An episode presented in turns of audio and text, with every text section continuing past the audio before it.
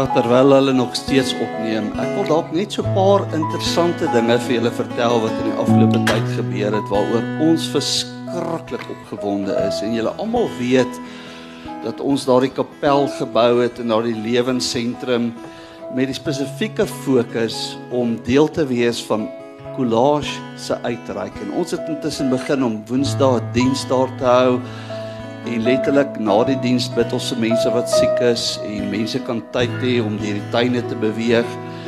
Maar deel van die lewensentrum se visie was om om dinge daar te doen wat mense se lewens impakteer. En een van die dinge wat nou onlangs begin het is ons beradingsgedeelte wat daar gebeur. Natuurlik gebeur berading ook in ons gemeente deur van die pastore en leiers in ons gemeente.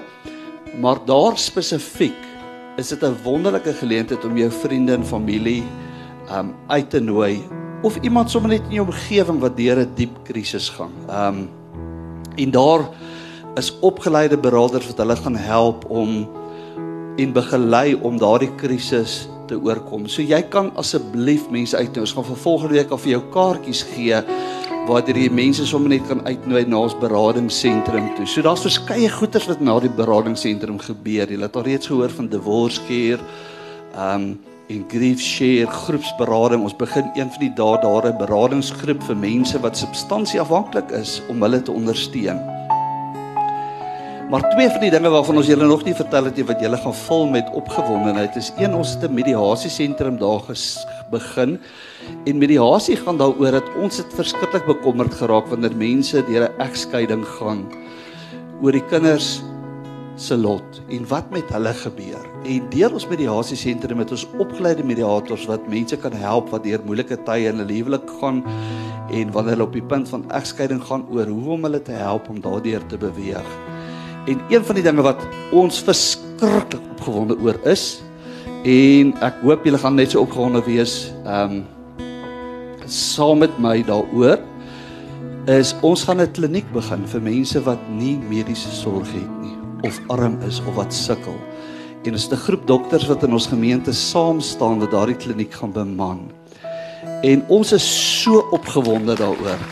En op hierdie manier kan ons na ons gemeenskap uitreik en kan ons 'n groot verskil maak. En dit was eintlik so exciting geweest, jy weet, die ek het gebid hieroor vir die Here gevra, Here help my net in.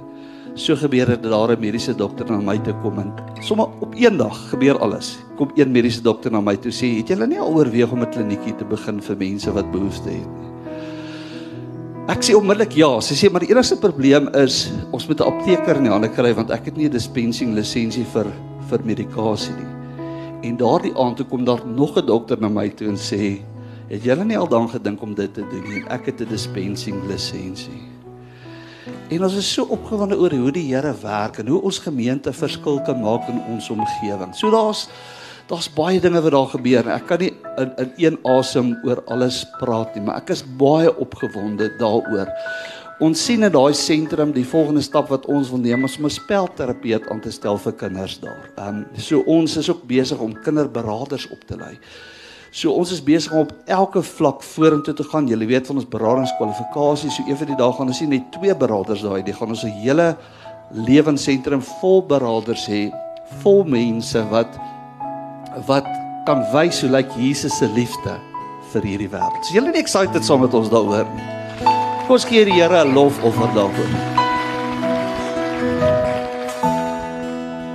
Elke keer, baie kom staan gou hier langs my. Ek wil julle voorstel Barry. Hy het by ons gemeente ingeskakel, die Here hier leer ken. En ons is so lief geraak vir hierdie man en toe sien ons hy raak siek. En baie van julle het dit opgemerk en dit raak gesien. Maar hierdie man het 'n inspirasie vir my geraak want elke keer as ek met hom praat, was twee in my lewe wat my diep geïnspireer het, een van hulle is Barry. Elke keer as ek met hom praat, is dit nie asof ek met iemand praat wat siek is en wat met hierdie doodsvonnis oor sy kop leef nie. Is dit iemand wat in collage 'n getuienis dra van wat beteken dit om op God te vertrou? En hoe ten spyte van omstandighede ons op God kan vertrou en kan sien hoe hy deurkom. Barry, ek wil graag vir jou oomblik kans gee om net so ietsie te vertel van jou reis en en en hoe dit jou geraak het en en wat hierdie geloofsgemeenskap en hierdie samersyn vir jou beteken. Hier's vir jou mikrofoon. Ek gaan hom nou terugvat as jy te lank praat. Ja, ja, baie dankie en goeiemôre almal. Ja, ek is in Desember uh, uh 2021 gediagnoseer met angiosarcoma. Dit is 'n baie rare kanker en en en 'n uh, baie aggressiewe kanker. Um lang storie kort, ek moes al nie meer hier gewees het. Maar met gebed ondersteuning van my familie, my pragtige vrou daar, uh mense om my en veral hier in Collage. Mense wat ek nie eens ken nie wat na my toe kom op Sondag in die koffiekroeg en bid net vir my sê vra hoe gaan dit? Um die personeel van Collage die die liefde wat ons kry, is ek nog sterk. Ja, ek het pyne en allerlei goed en ek drink medikasie en die onkoloog sê elke keer vir ons Nee, dis terminaal, maar ons wy om dit te aanvaar want ons weet dis nie vir hom om te besluit. Daar's iemand om wie ons kan glo dat sal besluit wanneer dit terminaal is.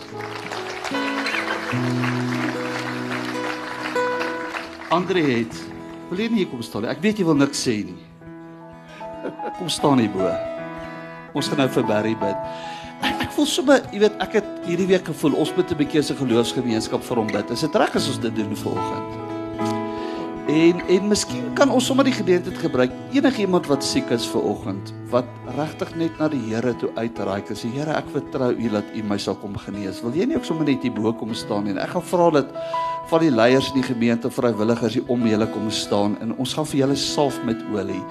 Want die Bybel sê as iemand siek is onder julle, laat die ouderlinge kom en vir hulle bid. Hulle salf met olie en die Here sal genesing skenk. So as daar iemand is wat siek is wat graag net vinnig hier bo wil kom staan, van ons leiers in ons gemeente kom staan sommer op hier bo en ons gaan hulle salf met olie en vir hulle bid tot genesing. En kom ons neem 'n stap. En ek wil jou vra om te staan en ons gaan vir hierdie mense vanoggend salf met olie en ons gaan vir hulle bid en ons gaan die Here vertel. So kom ons almal staan. Ehm um, Jy sal jy hulle almal salf. En dan gaan ek vir Chris vra om vir hulle te bid. Dankie Chris, sal jy bid vir ons? Sal hulle net eers met olie.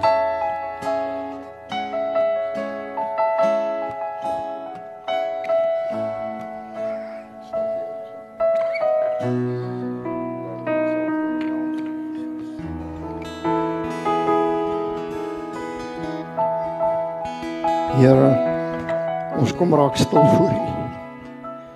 Ons weet menslik is niks moontlik nie. Maar vir U is alles moontlik. Daarom kom raak ons hulle nou aan in die naam van die Vader, die Seun en die Heilige Gees. En ons bid dat U bloed, U voorsiening, U genesing deur hulle sal vloei op hierdie oomblik van hulle toon tot hulle kop. Here en laat U ons bind en breek die werking van hierdie negatiewe kankerselle in hulle lewe in die naam van Jesus verdryf ons dit uit hulle lewens. Here en ons bid volkomme genesing dat elke mens wat hier staan absoluut 'n getuienis vir U sal wees van genesing. Dankie Here dat ons nou hulle kan salf in U naam. Ons bid dit en ons vertrou U Here en ons kyk uit vir hierdie wonderlike getuienisse wat hier gaan volg. Ons bid dit dat U hulle sal seën en guns gee in Jesus naam. Amen. Baie baie.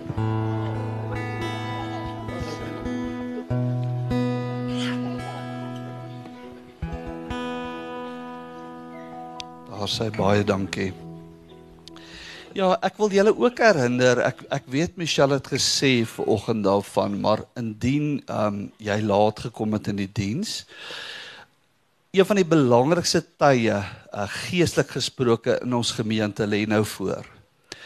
En ons noem dit in ons gemeente die pad van die kruis of lent of lydenstyd wat jy dit ook al noem. En volgende Sondag begin ons met die reis van lent. Um en um ons gaan 'n woord hê oor oor waaroor hierdie jaar gaan En die Woensdag daarna, dit is die Woensdag die 22ste, die aand, asseblief maak seker jy's hier by die kerk. Ons gaan 'n braai hê daardie aand om 07:30 En ons noem dit altyd ons as Woensdag braai. Maar dit is 'n wonderlike geleentheid waarin ons onsself voorberei vir die 40 dae van Jesus se pad na die kruis. En ons weet die evangelie van Lukas sê vir ons toe dit die tyd word vir Jesus om sy kruisdood nader te kom in ek dink is Lukas 9 vers 51 het hy sy aangesig gerig na Jerusalem. En in hierdie 40 dae van as Woensdag af gaan ons ons gemeente se gesig rig na Jerusalem om die diepte en die betekenis van Jesus Christus se kruisdood te verstaan en in ons lewens in te neem. En elke jaar het ons 'n spesifieke tema en elke jaar publiseer ons 'n boekie. En hierdie jaar se boekie gaan oor die weg, die waarheid en die lewe. En dit gaan oor Jesus se woorde in Johannes 14 vers 6 toe hy gesê het ek is die weg, die waarheid en die lewe. En wat baie interessant is in die wêreld is dit sekerlik Jesus se mees kontroversiële woorde. Dis die woorde wat aangeval word. Want dis die woorde wat ons red as ons daarin glo. Want daar's 'n pad hemel toe, hy's die weg.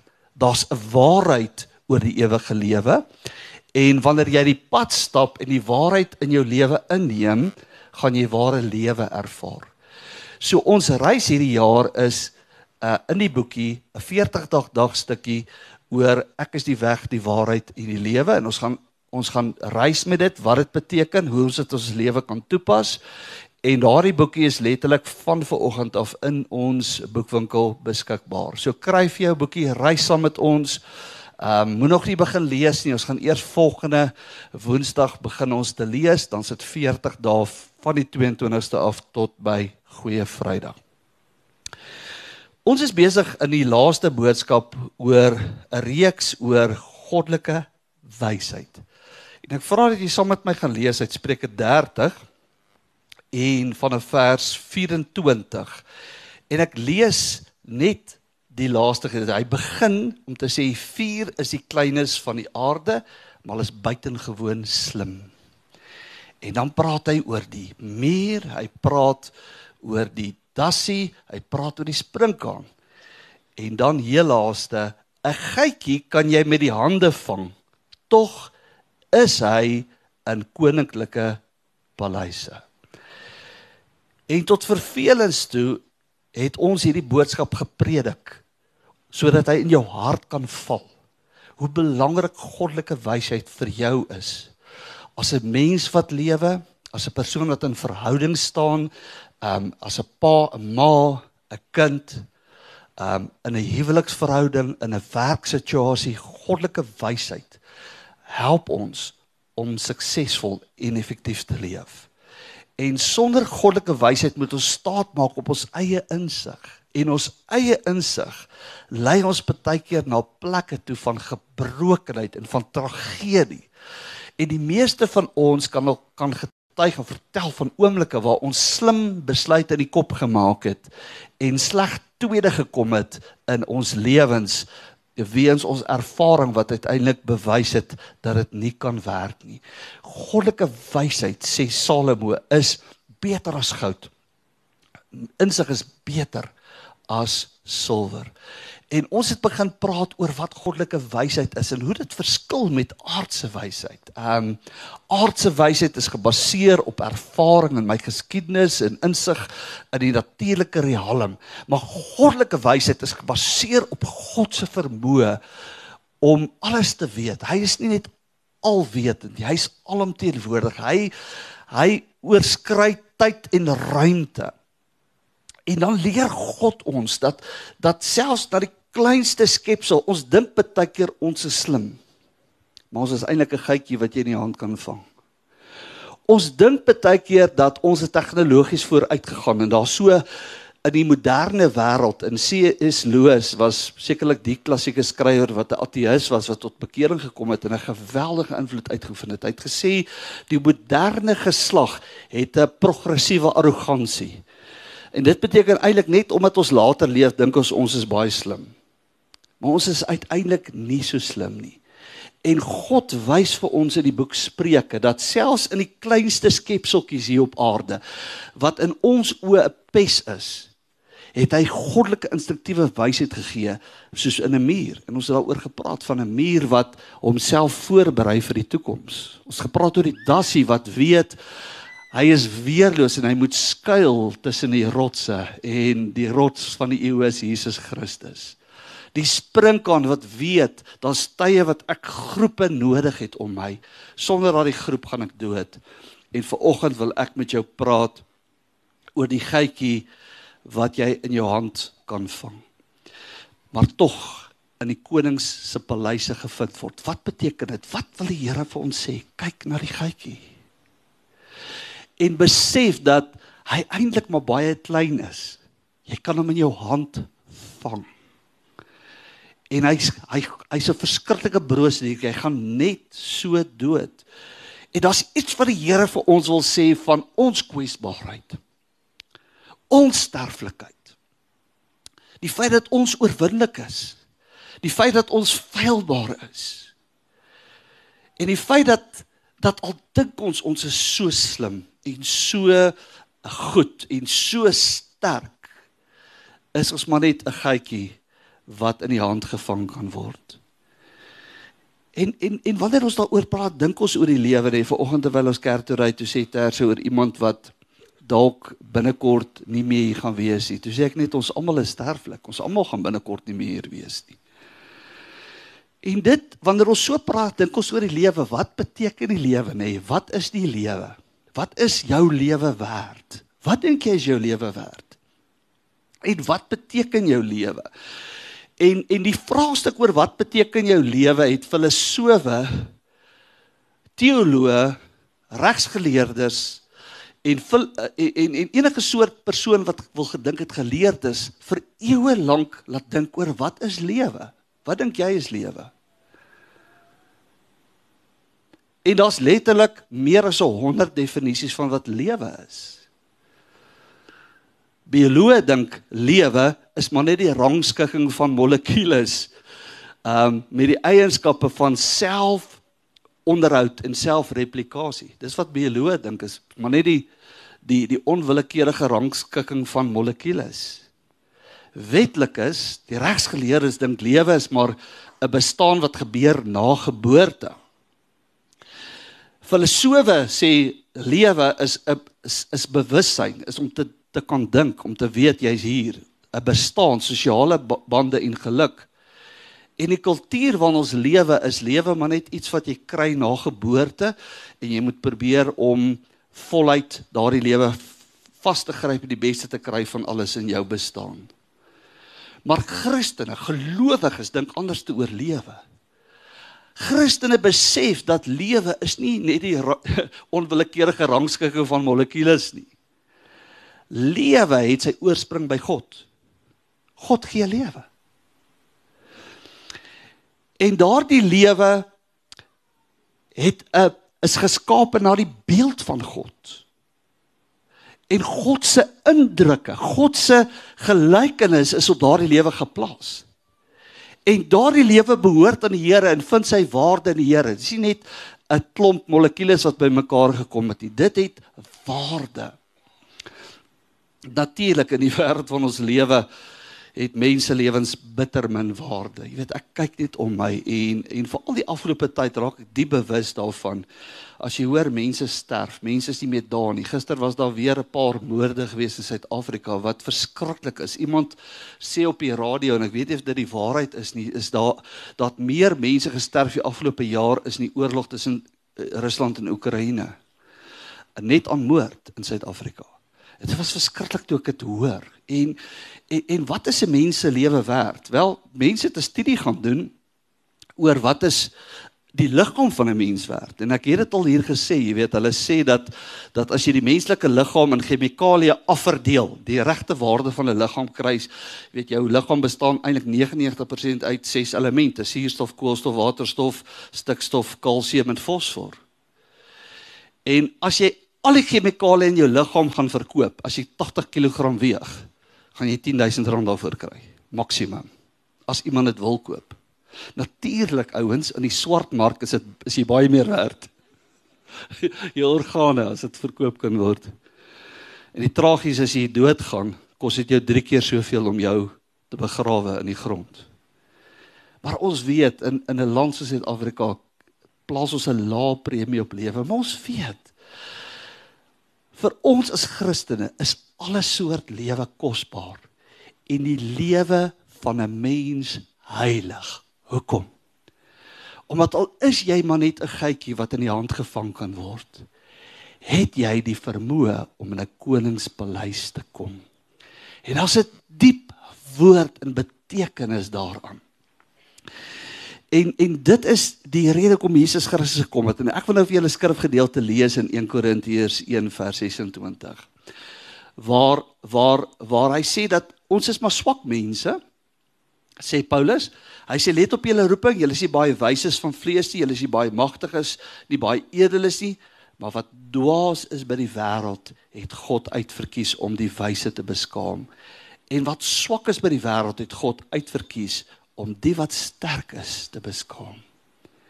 En dan sê hy in die 30ste vers, maar deur hom is jy in Christus Jesus wat vir ons geword het die wysheid uit God, die geregtigheid, die heiligmaking en die verlossing.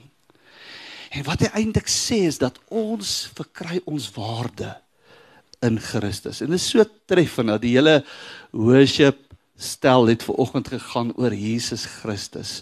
Hy wat hy wat ons waarde gee. Hy wat dit vir ons moontlik maak dat ons in 'n koning se paleis kan kom. En baie keer wanneer ons worstel met ons beperkings, met ons siekte, met ons lyding, met ons pyn. En wanneer ons vermoëns ons in die steek laat, onthou jy het 'n paleis waarin jy kan ingaan. Jy kan by die koning uitkom. En dit is die wysheid van die geitjie om dit te kan doen. Daarom is dit nie die grootte van jou gewig wat tel of jou ehm um, jou vorm of jou skoonheid of wat nie. Of die dinge waarmee jy jouself omring om jou sterk te maak nie. Maar die feit dat ek en jy in die paleis by die koning kan uitkom. Ons het 'n gewig van heerlikheid wat ons dra weens Jesus Christus. En die vraag vir oggend is Ek wil kortliks net 'n paar dinge noem. Hoe kan ons in die paleis van die koning uitkom? Hoe kan ons op die plek kom waar waar ons lewe waarde het? Paulus sê dit so pragtig in Efesiërs 2. Hy sê maar God ryk in barmhartigheid het ons alhoewel ons dood was, eintlik terwyl ons lewens niks werd was nie, terwyl ons eintlik bedoel was maar net om te sterf en dis die dis die som totaal van ons bestaan as gevolg van ons oortredings, ons sonde, op grond van sy groot liefde waarmee hy ons liefgehad het, saam met Christus lewend gemaak. Uit genade is jy gered. Ja, hy het ons in Christus Jesus saam opgewek en saam laat sit in die hemel. En dit is die woord. Jy's maar 'n geitjie wat maklik met die hand gevang kan word. Maar wanneer jy Jesus Christus aangeneem het, sit jy in die paleis nie net van 'n koning nie, maar van die koning. Deur genade word ons gered. So hoe hoe hoe kom ons in die paleis? Ons wat maggetjies is wat met die hand gevang kan word. Wel, deur dit ons Jesus Christus in ons lewe aanneem. Deur dit ons op daardie plek kom waar ons besef dat ons 'n sondaar. Besef dat ons kan onsself nie red nie. Besef dat dat net deur die genade, nie deur my werke, deur hoeveel keer ek kerk toe gaan in my lewenstyd en hoeveel preke ek luister en hoeveel goeie werk ek doen, ek kan myself nie red nie. Dit is slegs Jesus Christus wat my red en my kan laat sit in die hemele in die paleis van God. 'n Baie interessante paar dinge en ek wil dit sommer sê vir jou noem. Ek sommer uit die Bybel uit net gehaal so vinnig vir jou om te wys hoe ons in die paleis van 'n koning kan kom as 'n geitjie. Dankbaarheid. Dankbaarheid. Dit is baie interessant dat Jesus gereeld dankbaarheid gewys het. Wanneer hy gebid het daar toe hy vir die 5000 mans waarskynlik meer as 8000 mense daar langs die see van Galilea die brood gebreek het en die die die visse uitgedeel het, het hy dit vasgegryp en het God gedank en die volgende oomblik het daar wonderwerk gebeur. En regdeur Jesus se lewe sien ons hierdie dankbaarheid wat Jesus het en en wat dit geestelik losmaak in die hemel wanneer iemand dankbaar is. Paulus het hierdie ding verstaan. Paulus het het die boek Filippense, Kolossense en ander boeke geskryf in 'n tronk in Rome. En Paulus het hierdie diep ervaring gehad. Onthou jy toe hy saam met Silas in die tronk was in Filippi in Handelinge 16? Toe sê die Bybel hy en Silas is geslaan gewees. Hulle is gemartel gewees. Nie soos wat ons mekaar slaan vandag nie, letterlik tot die dood toe geslaan. En teen middernag het Paulus en Silas begin om God te loof en te eer en te prys en die volgende oomblik toe kom daar 'n aardbewing. Paulus het die kuns verstaan van hoe om in die koning se paleis te kom. En daarom skryf hy Kolossense En as jy dit nou saam met my lees, hy sê, ehm um, hy sê laat die vrede van God waartoe julle in een liggaam geroep is in in julle harte heers en wees dankbaar. Hy sê laat die woord van Christus ryklik in julle woon met alle wysheid. En dan gaan hy aan om te sê leer en vermaan mekaar met psalms, lofsange, geestelike liedere en sing in julle hart met dankbaarheid tot eer van die Here. En nou hoor net wat gebeur. En in sy laaste gedeeltjie dan sê hy en die God van vrede sal met julle wees. Wanneer jy dankbaar is, maak nie saak wat jy ervaar nie. Onthou nou, Paulus skryf hierdie gedeelte uit 'n tronk uit terwyl hy vasgebind is aan 'n Romeinse soldaat, gemartel is, gestraf is. Skryf hy sê ouens as julle die kuns wil verstaan van jy is maar net 'n geitjie, jy is maar net 'n mens wat broos feilbaar ehm um, oorwinnelik sterflik is. Jy kan in 'n oomblik met boeye aan jou lyf kan jy dankbaar wees en ervaar hoe jy in die paleis van 'n koning kom. Nederigheid. Die skrif leer ons, Paulus ook in in, in Filippense 2 waar hy sê hierdie gesindheid moet in julle wees wat ook in Christus Jesus was, dat hy dit nie roof geag het om aan God gelyk te word nie, maar hy het homself verneder. En dan sê hierdie woorde en daarom het God hom 'n naam gegee bo elke naam. Wanneer ek en jy weet om nederig te wees. Wanneer ons onsself verneder, rig God ons op en kom ons in die paleis van die koning. Om ander mense te dien, nê. Ons lees dat Jesus het sy disippels se voete gewas in Johannes 13, nê. En en en sy disippels was eers verbaas, geskok, hoe kan hy dit doen? En hy keer op keer vir hulle sê ek het nie gekom om gedien te word maar om te dien om my lewe te gee se losprys verander. En hy sê toe vir sy disippels as julle as julle as julle in die in die paleis van 'n koning wil kom, was mekaar se voete. Hy sê want ek het vir julle 'n voorbeeld gegee. Ek het vir julle 'n voorbeeld gegee om dit te doen. Hy sê as julle hierdie dinge doen, salig is julle as julle dit doen. Salig beteken eintlik om in die toestand van 'n God te kom om die toestand van 'n God in jou lewe te ervaar, om te ervaar hoe jy in die paleis van 'n koning prioritiseer gebed. Jesus het dit keer op keer gedemonstreer dat as ons bid en en Jakobus sê dit so pragtig. Hy sê nader tot God en hy sal tot julle nader. As ons bid en ons soek na God, gebeur daar iets in ons lewens. Transformeer jou gedagtes dink soos wat God dink. En Paulus sê ook hierdie woorde. Hy sê alles wat waar is, alles wat eerbaar is, alles wat regverdig is, alles wat rein is, alles wat lieflik is, alles wat loflik is, watter deeg en watter lof daar ook al mag wees, bedink dit. Hy sê en die God van vrede sal met julle wees. Ons is maar net geitjies wat in die hand gevang kan word.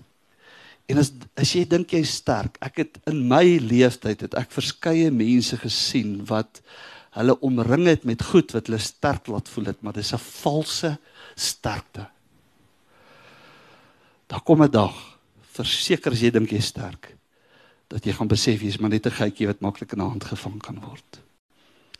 Wat jou sterk maak en wat jou waarde gee en wat jou help om te oorkom is die feit dat in Christus Jesus kan jy in 'n paleis kom. Nou sekere dinge wat ons kan doen om die paleis ervaring te hê, te ervaar ons is 'n audiensie by die koning. En vir oggend val hierdie woord in jou hart en ek weet die Here het hierdie woord vir jou gegee want die Here het hierdie woord vir my gegee.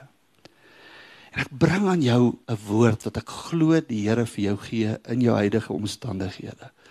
Miskien lewe jy in jou omstandighede in hierdie wêreld in jou besigheid in Suid-Afrika um met hierdie gevoel van ek is eintlik maar niks werd nie. Dit mag waar wees uit die wêreldse perspektief oor jou lewe. Maar as jy in die koning van 'n paleis kom, sê dit iets van die waarde van jou lewe.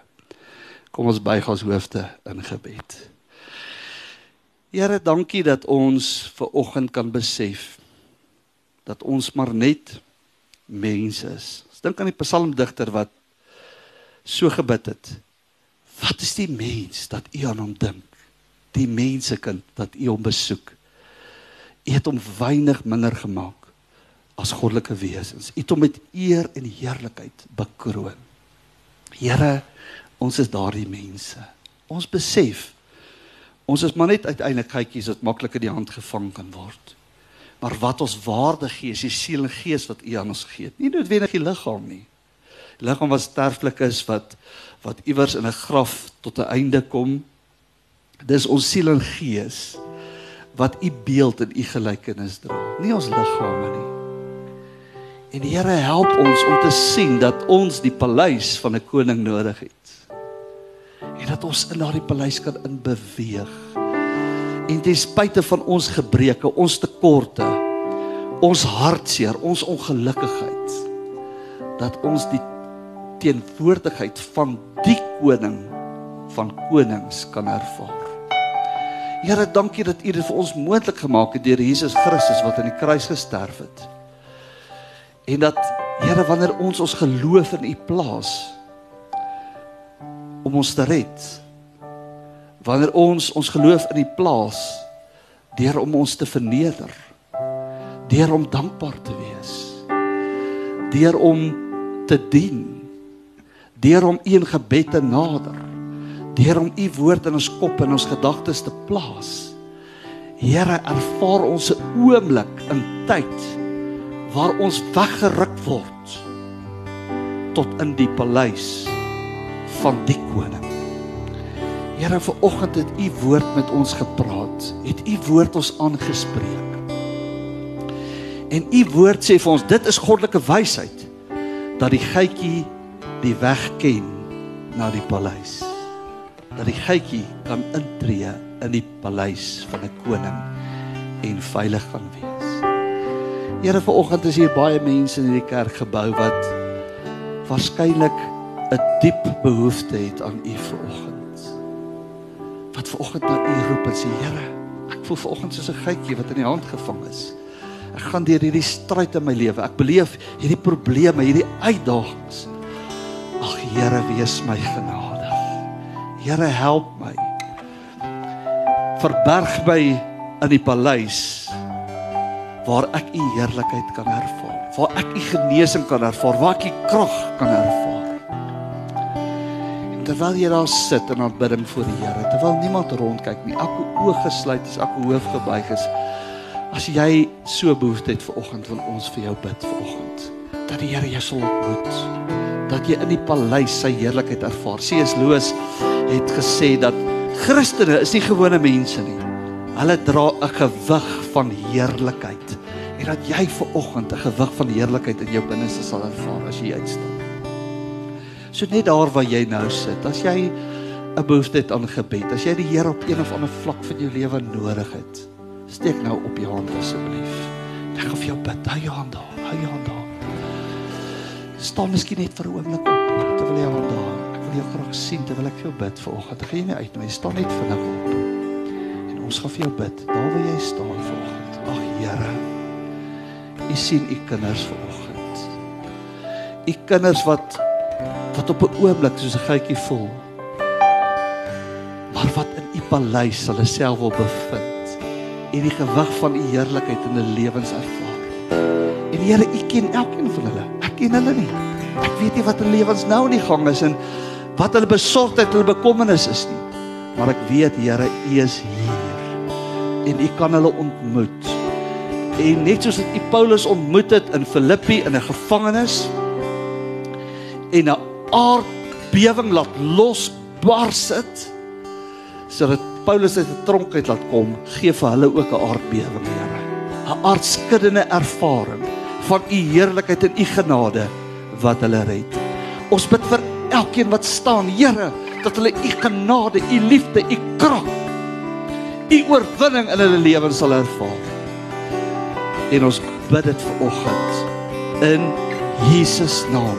Laat dit so wees dat die Here se heerlikheid in sy paleis jou lewe omhels. Ons bid dit in Jesus naam. Kom ons almal staan, dan gaan ons laas net saam sing. En daarna gaan ons vir mense bid wanneer ons die gemeente verdaag.